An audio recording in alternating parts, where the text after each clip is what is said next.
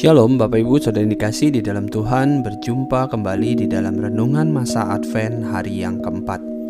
Pada pagi hari ini kita akan bersama-sama merenungkan firman Tuhan Yang terambil di dalam Injil Yohanes pasal yang ketiga ayat yang ke-30 Injil Yohanes pasal yang ketiga ayat yang ke-30 Demikianlah firman Tuhan. Ia harus makin besar tetapi aku harus makin kecil Bapak Ibu yang dikasih di dalam Tuhan, pelayanan Yohanes dimulai sebelum Yesus memulai pelayanannya. Yohanes menyaksikan jumlah pengikut Yesus bertumbuh dari nol, dari yang tidak ada menjadi lebih banyak daripada yang dimiliki oleh Yohanes.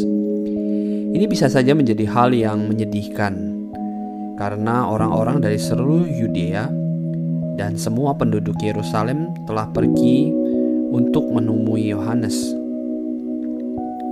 Namun, di dalam Injil Yohanes sendiri secara konsisten digambarkan bahwa Yohanes Pembaptis adalah seorang saksi, seorang yang memberikan kesaksian tentang identitas dan kebesaran Yesus.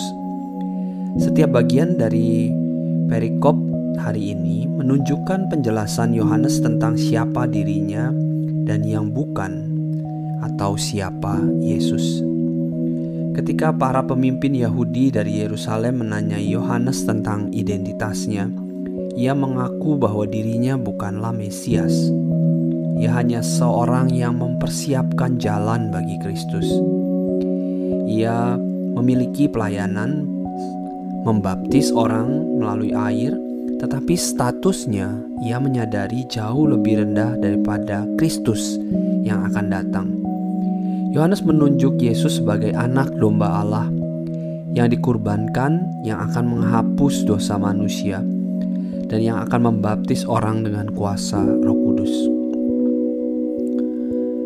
Kehidupan Kristen adalah soal tunduk lebih dan lebih lagi kepada Yesus, Allah yang perkasa. Rasul Paulus mengatakan dalam Filipi pasal yang pertama ayat 18 bahwa yang penting adalah bagaimanapun juga Kristus diberitakan.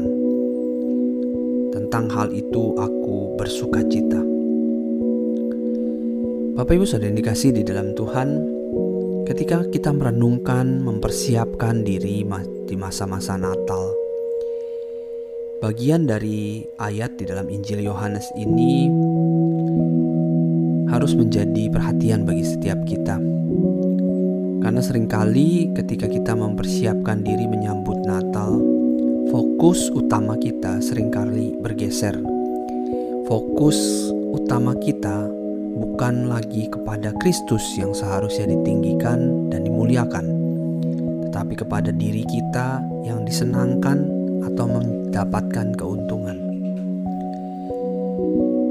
Bapak Ibu sudah dikasih di dalam Tuhan, bagian ini mengingatkan kita bahwa Ia, Kristus Tuhan, yang harus semakin besar, dan aku harus semakin kecil. Bagian ini mengingatkan setiap kita bahwa Natal itu berbicara tentang Kristus Tuhan yang menjadi manusia menyelamatkan kita. Itulah yang harus ditinggikan dan dimuliakan kita harus semakin kecil. Kita harus semakin tunduk dan tunduk kepada Dia, Raja yang dimuliakan, Allah yang perkasa, yang datang menyelamatkan kita. Mari Bapak Ibu Saudara dikasih di dalam Tuhan, kita mau menyambut Natal dengan meninggikan, memuliakan Dia, Tuhan yang menjadi manusia. Mari kita berdoa.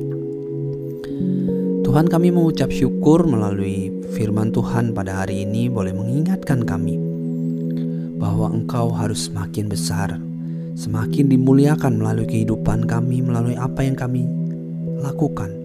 Melalui Natal yang kami persiapkan seharusnya Tuhan yang semakin dimuliakan dan ditinggikan, bukan kami, bukan gereja kami. Tetapi namamu saja yang semakin dimuliakan.